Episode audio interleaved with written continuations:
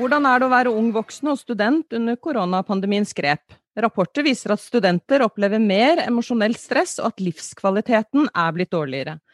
Undersøkelser har vist at de føler isolasjon og er ensomme pga. korona. Og fra før har forskningsfunn påpekt hvor avgjørende psykisk helse er for å fullføre utdanning. Og dette gjelder også for elever i videregående skole. Og i denne episoden skal vi snakke om bekymringen og realiteten under korona for unge i utdanningsløpet. Velkommen, jeg heter Vigdis Alver. Og jeg heter Marianne Olsen Brøndtveit. Denne innspillingen skjer også digitalt fra forskjellige steder i landet. Unge Liv har en forventning knytta til seg om økt selvstendighet, eget nettverk og muligheter til å forme egen hverdag. Og overgangen dit kan være tøff nok under normale omstendigheter. Nå er mye eller det meste av undervisningen flyttet over i digitale rom ved flere utdanningsinstitusjoner, og elever og studenter kan ikke møtes under undervisning eller på fritiden slik som det i vanlig livet. Samtidig blir det enda tøffere for de som ikke har et godt nettverk fra før, og for mange så kan det bli utfordrende å lære når det er umulig å reflektere åpent og samarbeide med medstudenter og elever i et fysisk rom. Ja, og med oss inn hit for å snakke om alt dette, så har vi med oss tre gjester. Og den ene er deg, Anette Nilsen Paul. Du jobber med elever på St. Olav videregående skole i Sarpsborg og er helsesykepleier. Ja, det stemmer. Hyggelig å bli invitert. Og vi sier velkommen til deg, rektor ved Universitetet i Oslo, Svein Stølen. Takk, takk. Og velkommen til deg, Kaja Berg Hansen. Du studerer ved lærerutdanningen ved Universitetet i Agder. Det stemmer. Takk for at jeg fikk komme. Og du er jo en av hovedpersonene her, Kaja, som er eh, student. Det er studenter og elever. Og hvordan er det å være student under pandemien, sånn som den er, med smitte og digitalisering? Det er eh, veldig rart. Eh, det er en helt ny hverdag, og vi må ha på en måte omstilt oss og gjøre ting på en ny måte. Men vi ungdommer er veldig flinke på det, vil jeg si. Men det er jo rart, fordi man får ikke det samme samholdet som vi, eller jeg i hvert fall har vært vant til. og Eh, det er noe rart med å snakke med en lærer gjennom en skjerm. Du føler ikke helt det båndet. Mm. Og så hørte vi her om rapporter og kartlegginger som bekrefter at det er tøffe tak, eh, også når det gjelder eh, psykiske påkjenninger. Og hvordan merker du dette på deg selv og på dine medstudenter? Merker dere noe til dette? Eh, ja, helt klart. Det er jo Man føler seg litt ensom. Og selv om man har folk rundt seg og man har folk man kan ringe eller så er det ikke det samme når du sitter liksom helg på helg hjemme i sofaen og ser på TV eller en serie. Og hvis man legger planer, så blir man på en måte skuffa gang på gang fordi at det, det, blir avlyst, eller noen ikke kan, eller kanskje noen er litt forkjøla, og så må vi liksom ta hensyn. Og det selvfølgelig skal man ta hensyn, men det har jo en påkjenning òg. Jeg føler at vi betaler en ganske høy pris, egentlig. Og studenter som deg selv, dere bor jo ofte på trange hybler eller i kollektiver med, med, mange andre. Og hvordan er det å studere og gjøre skolearbeid heldigitalt og hjemmefra? Hvordan kan det oppleves som mer krevende? Nå har jeg vært veldig heldig, da, fordi mitt studie der har vi faktisk oppmøte. Men jeg har jo veldig mange venner som har digital undervisning. Hun ene bor med seks personer, og det er trangt. Fordi da må du Du blir på en måte confined til rommet ditt og må sitte der. Eh, og det er jo trangt, og man får ikke beveget seg, og man kanskje litt trang luft, for mange av bygga de bor i, er jo gamle. Så det, de liksom mister litt fokus, sovner litt lett. Ja. Når liksom du må sitte og lese i senga, og det er der du pleier å sove, så ja. Men jeg bare lurer på, er det sånn, for du har nå oppmøte fysisk, er det sånn at dere tenker mye på at den kan komme til å bli digitalt, og tenker du på hvordan det vil kunne påvirke deg? Absolutt. Nå vi jo, fikk vi beskjed faktisk i går at det kan hende at det blir digital undervisning de siste ukene før eksamen nå. Og jeg vet med meg selv at da sliter jeg veldig mye. Fordi jeg har et behov for å dra på skolen og gjøre skole. For hjemme er hjemme og skole er skole, og jeg er ikke noe flink til å kombinere de to. Da blir det fort å støvsuge eller vaske tøy eller ja, noe annet. Så det bekymrer meg. Anette Nilsen Paul, som helsesykepleier ved en stor videregående skole i Sarpsborg, så møter jo du og dine kollegaer mange ungdommer ukentlig. Nå er det en litt yngre versjon unge du har med å gjøre i hverdagen, men er det gjenkjennbart det Kaja Berg-Hansen forteller om her? Absolutt. Det er helt klart, som Kaja sier, at skolen representerer så mye mer enn eh, bare det å lære noe faglig. Eh, at det er ofte måte, hele strukturen og rammene i hverdagen som skolen setter. Og det når den på en måte i så lang tid blir veldig sånn unormal, så eh, er det mange som kjenner på det. Helt klart. Ja, for En konsekvens av pandemien ble jo tydelig under nedstenginger, men nå er det jo stadig skiftende smittebilde og ulike tiltak som preger hverdagen. Hvordan oppleves det å være ungdom i dette, slik dere hører da i møte med elevene? Jeg tenker det at man ikke på en måte vet hvor lenge denne unormale situasjonen skal vare. At det gir en sånn usikkerhet. Eh, blir det noe av? Som Kaja sier, ofte blir det avlyst. Hva skal jeg si, Den eh, uforutsigbarheten da, over lang tid er krevende, rett og slett. Ja, har du noen eksempler på, på, situasjoner som oppleves ekstra vanskelige, som elevene forteller om?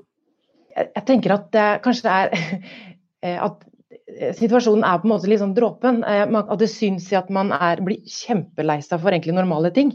Og det gjelder for, for så mange. da, At den halloweenfesten f.eks. som det ikke ble noe av, eller den russestarten man har jo egentlig planlagt der i flere år, at den ikke blir som man har håpa. Eh, blir liksom en, kanskje en unormal stor reaksjon på.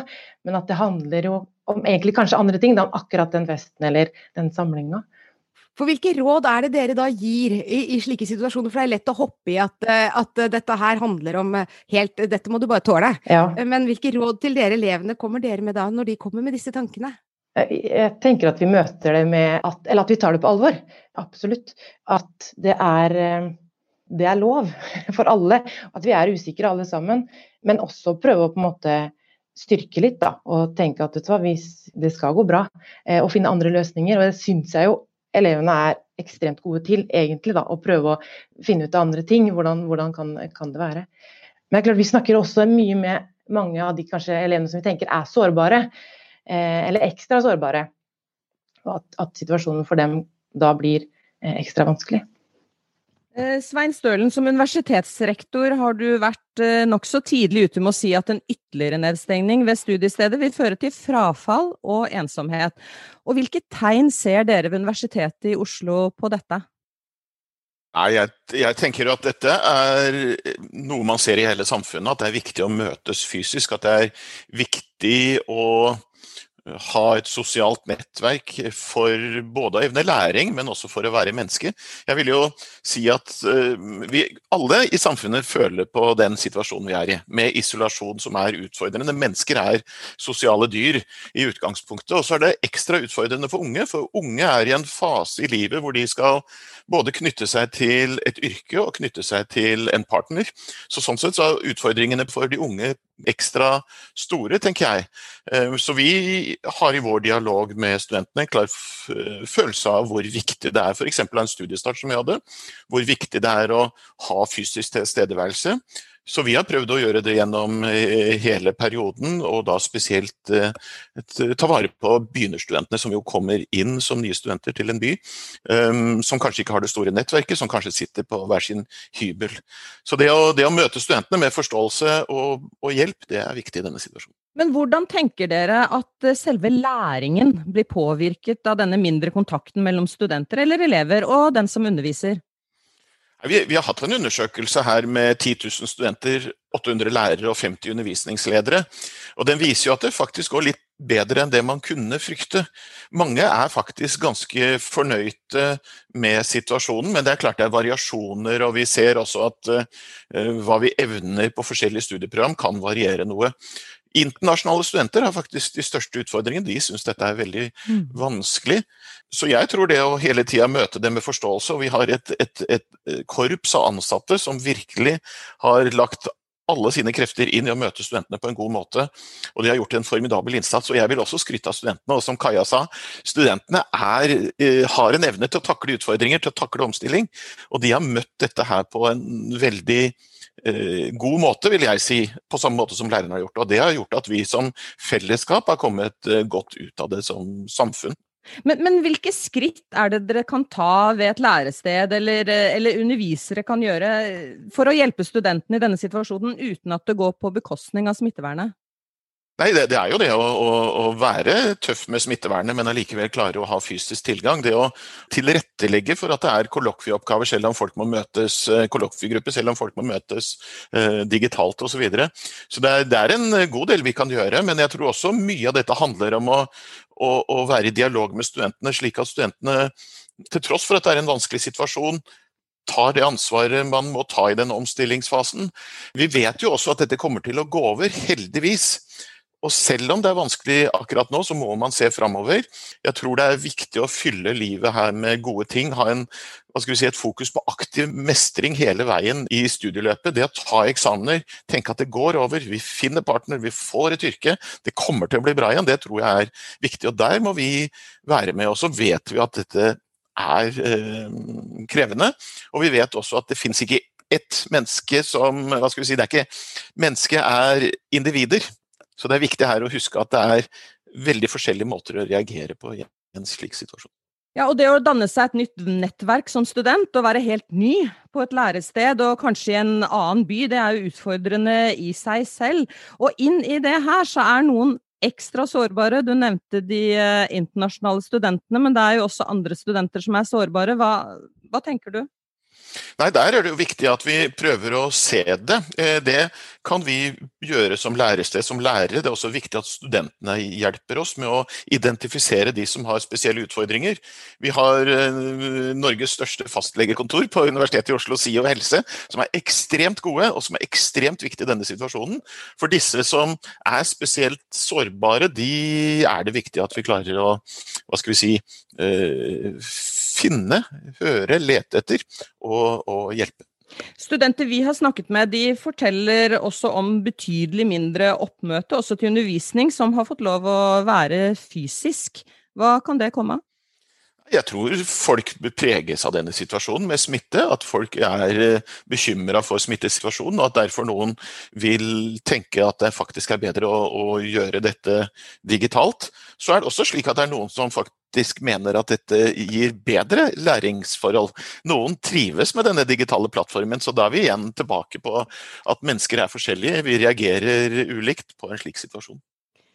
Kaja Berg-Hansen, din studenthverdag er jo annerledes enn det du kunne se for deg da du søkte, eh, for å si det på den måten. Du, hvis vi ser på hvordan det er å være lærerstudent i denne tiden Dine studier handler jo mye om mennesker og menneskelige prosesser.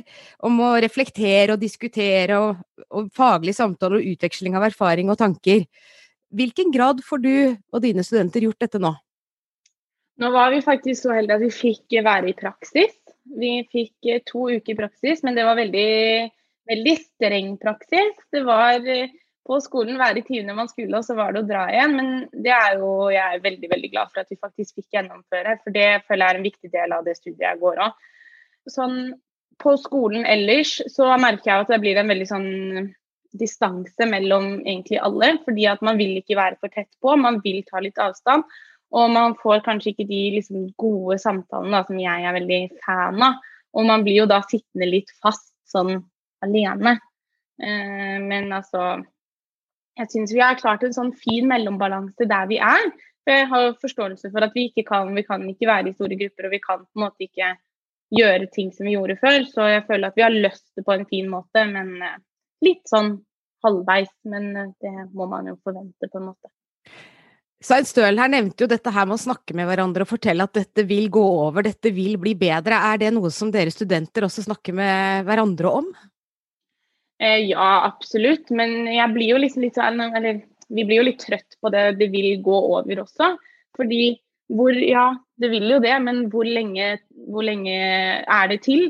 Må jeg gå alle mine fem år i på en måte, isolasjon og egentlig ikke bli kjent med noen nye? Eller er det snakk om et år til? Eh, det er litt den uvissheten da, som er egentlig det største problemet her. ja, ja, det vil jo gå over. og Vi bor jo i Norge, vi har det kjempefint. Kristiansand er det faktisk ikke så ille nå heller. Men ja. Vil du si at det er større fare for å droppe ut eller revurdere studiene du har starta på for deg eller dine medstudenter? Eh, ja, men det tror jeg gjelder alle studier generelt. Fordi eh, vi hadde en veldig nedkutta fadderuke bl.a. Hvor førsteårsstudenter som gikk årsstudium, de fikk ikke faddere. Men de som gikk sånn som jeg, som gikk går lektor, jeg fikk fadder. Men var jo, da var vi bare den gruppa. Og hvis ikke du likte noen du var i gruppe med, da Jeg likte heldigvis de jeg var i gruppe med, men hvis ikke du på en måte klaffa med de, så hadde du ikke noe annet nettverk utover det når du skulle møte i forelesninger. Og da blir du sittende litt sånn Ja, hei. Hyggelig. Ja. Eh, Anette Nilsen Paul, mm. Eh, hva snakker du som helsesykepleier mest med elevene om nå?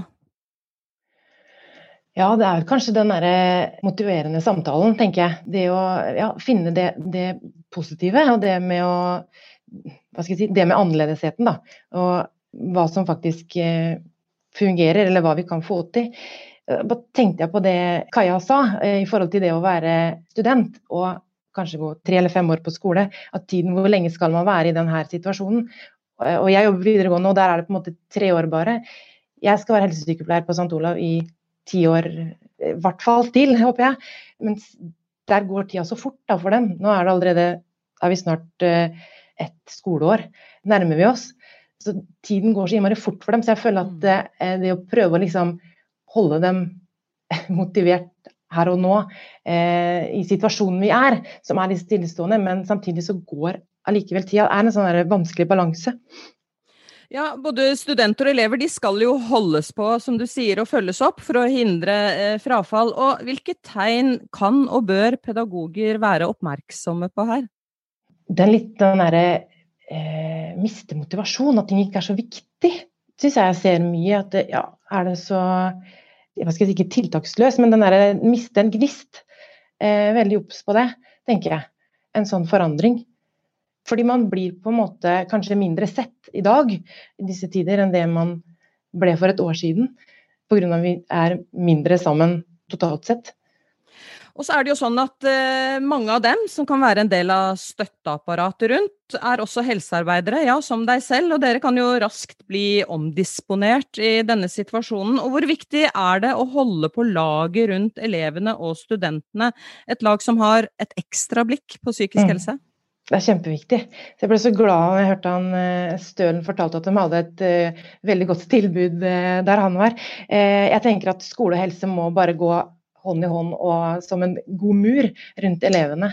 Og at det er kjempeviktig at alle innenfor helse får være i stillingene sine. Stølen, du ønsket ordet? Jeg tenker, jeg skjønner jo Kaja at uh, på en måte vi kan ikke hele tida snakke om at nå må vi holde ut osv. Samtidig så har vi ikke noe alternativ heller. Uh, denne overgangen fra videregående til skole til universitet er også ganske betydelig. Jeg har selv tre sønner som studerer. En i Oslo, en i Alta og en i London. og Det er ganske forskjellige situasjoner også i denne spesielle situasjonen vi er nå. Men, jeg, men jeg, det, det, som jo kanskje er spesielt utfordrende, er at du kommer inn i en situasjon hvor den viktigste gruppa di er medelevene elevene. Så jeg tror det også er noe av det vi jobber med nå. Hvordan sørger vi for at en student holder kontakt med de hjemme? Hvordan ringer vi fram og tilbake mellom venner? Hvordan, hvordan har man i hvert fall en liten gruppe? ikke sant? Det tror jeg er viktig, som man holder kontakt med.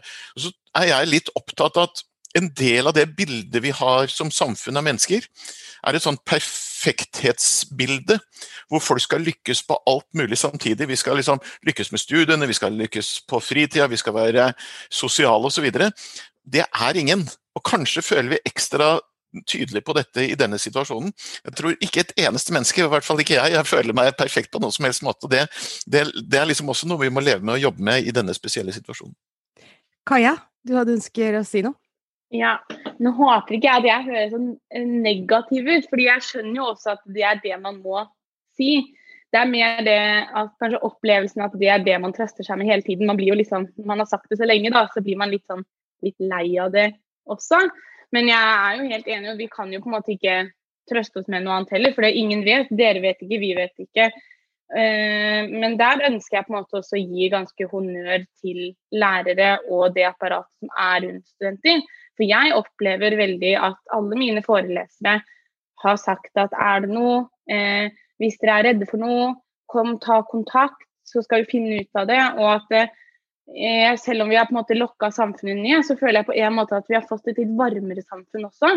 At eh, vi nordmenn er liksom sånn at vi skal ikke vi skal ikke sitte ved siden av hverandre på bussen og sånn, det skal vi i hvert fall ikke nå. Men vi, det er kanskje mer åpent for å liksom prate med egentlig hvem som helst. Og jeg føler at de hører og liksom tar det virkelig til seg, da. Så det syns jeg er veldig fint. Stølen, vi snakker jo mange effekter, og det er mange diffuse saker som påvirker oss i, i, den situasjonen vi er i. Men er koronaeffektene på unge noe som du tror kanskje vil gi seg etter hvert, eller er det grunn til å tenke på at det vil være varige påkjenninger som, for de som blir ramma av dette? Ja, Det er et vanskelig spørsmål som jeg, jeg vet ikke om jeg som kjemiker er den som skal svare på det. Men, men, jeg tenker at en del av de utfordringene vi ser her, er jo utfordringer som blir forsterka av den situasjonen vi er i, men som egentlig er generelle utfordringer. Hva skal vi si, Det sosiale for læring, det faglige fellesskapet. Universitetet er jo et møte mellom mennesker, det er jo det det handler om. Mm. Møte mellom studenter og lærere, mellom studenter, mellom lærerne. Så, så jeg tror at det vi skal ha som et veldig tydelig utgangspunkt, er at trygge studenter lærer mer. Og det skal vi ha i alle situasjoner i dag, og også når dette er ferdig. Kaja Berg-Hansen, trygge studenter eh, lærer mer. Er det ditt inntrykk at mange på din alder nå ser mørkt på egen framtid, eller ser man en ende der borte? Eh, litt både og, hvis jeg kan helgardere. Fordi jeg føler at noen, det er litt som Svein sier òg, at noen opplever den situasjonen her som egentlig noe positivt. At det er liksom rom for å sette seg ned med skole og ikke bli distrahert av så mye annet. og liksom ja, føler at man har ordentlig kål på det. Og så er det andre, kanskje litt som meg, som blir litt bekymra om liksom, hvor fremtiden min egentlig tar veien. Fordi jeg vet ikke hvordan mitt fremtidige yrke kommer til å se ut pga. alle disse tiltakene. Jeg vet ikke om det er det yrket jeg egentlig hadde sett for meg. For lære for min del handler jo om se og lytte, samhandle med elever. Det at man kan ta hverandre i hånda, man kan gi hverandre en klem. Eh, og det aspektet faller jo kanskje litt vekk. Eh, så man går jo liksom ja, litt i tvil, egentlig. Anette Nilsen Paul, denne tvilen, hva, hva, tror du om dette? De som nå går siste år på videregående, har sett elevene året før seg gå glipp av russetida, som du også har nevnt. Eh, de har hatt usikkerhet rundt lærlingetid, eksamen og sluttvurderinger. Og oppstarten som unge voksne er ikke akkurat heller bekymringsløs, som vi hører her. Tør de tenke at dette går over? Ja, jeg tror det. Jeg tror at der, sånn generelt sett så er det på en måte eh, en positiv tanke om framtida. Om at eh, det blir bra igjen. Eh, det tror jeg alle, tror jeg, eller alle, men de fleste har at det er en sånn generell tanke om at det, langt der framme så, så, blir det som, som, det har vært før. Men det er klart at er, vi er i en situasjon som vi på en måte aldri har vært i, i før, alle sammen. sånn at, det, at litt usikkerhet om at ikke man kan gi noen uh, konkrete svar, er jo der. Men uh, jeg føler at det er en sånn generell positiv tanke om fremtida, altså. Absolutt. Ja, Svein Stølen, det er jo komplekse problemstillinger og mange usikkerheter man forholder seg til, både som elev og student og ansatt. Og mot slutten her, så overgangen fra videregående til høyere utdanning, den har alltid vært stor. Men med pandemien så blir den enda større. Hva kan det gjøre, tenker du, eller gjøre noe som helst med en eh, studentgenerasjon? Nei, igjen så, så, så, Jeg vet ikke om jeg tør å spå så mye om det. Jeg, hvis jeg får lov til å være litt sånn ekkelt positiv, så vil jeg si at det vi har sett som resultat på Universitetet i Oslo, det er at det er flere som tar eksamen. Det er færre som stryker. Det er flere som er bestått. Så det er noen positive elementer her. Og så tror jeg den overgangen er ekstremt viktig. Vi går nå inn i et nettverk med seks andre europeiske universiteter, Kings College, eh, Humboldt universitet osv. En av de tingene alle disse universitetene har fokus på, er overgangen mellom videregående skole og universitetet. Det ser vi er en kjempeutfordring.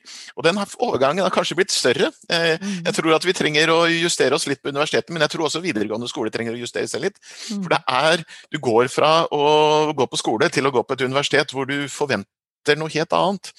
Eh, jeg håper og tror at, at vi skal komme godt ut av denne situasjonen også. Jeg syns våre studenter er imponerende gode, og de takler dette godt. Så er det slik at i en slik situasjon så er vi ulike, og så blir ofte, tror jeg, at man vet personlige hva skal vi si, denne forskjelligheten, den måten vi reagerer på, blir forsterka av en krise. Så jeg tror Det som er viktig nå, det er å ta tak i de som faktisk er mest sårbare. Det er kanskje det mm, mm. hovedsakelige utfordringen for oss. Helt til slutt, Stølen, inn i dette. Hva må myndighetene være ekstra oppmerksomme på nå og framover, slik du ser det?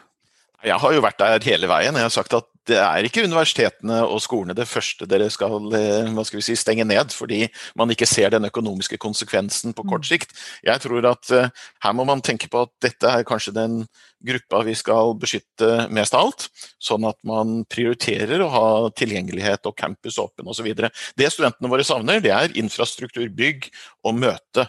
Og det um, jobber vi hardt for hele tida, og i hvert fall ha et visst nivå på.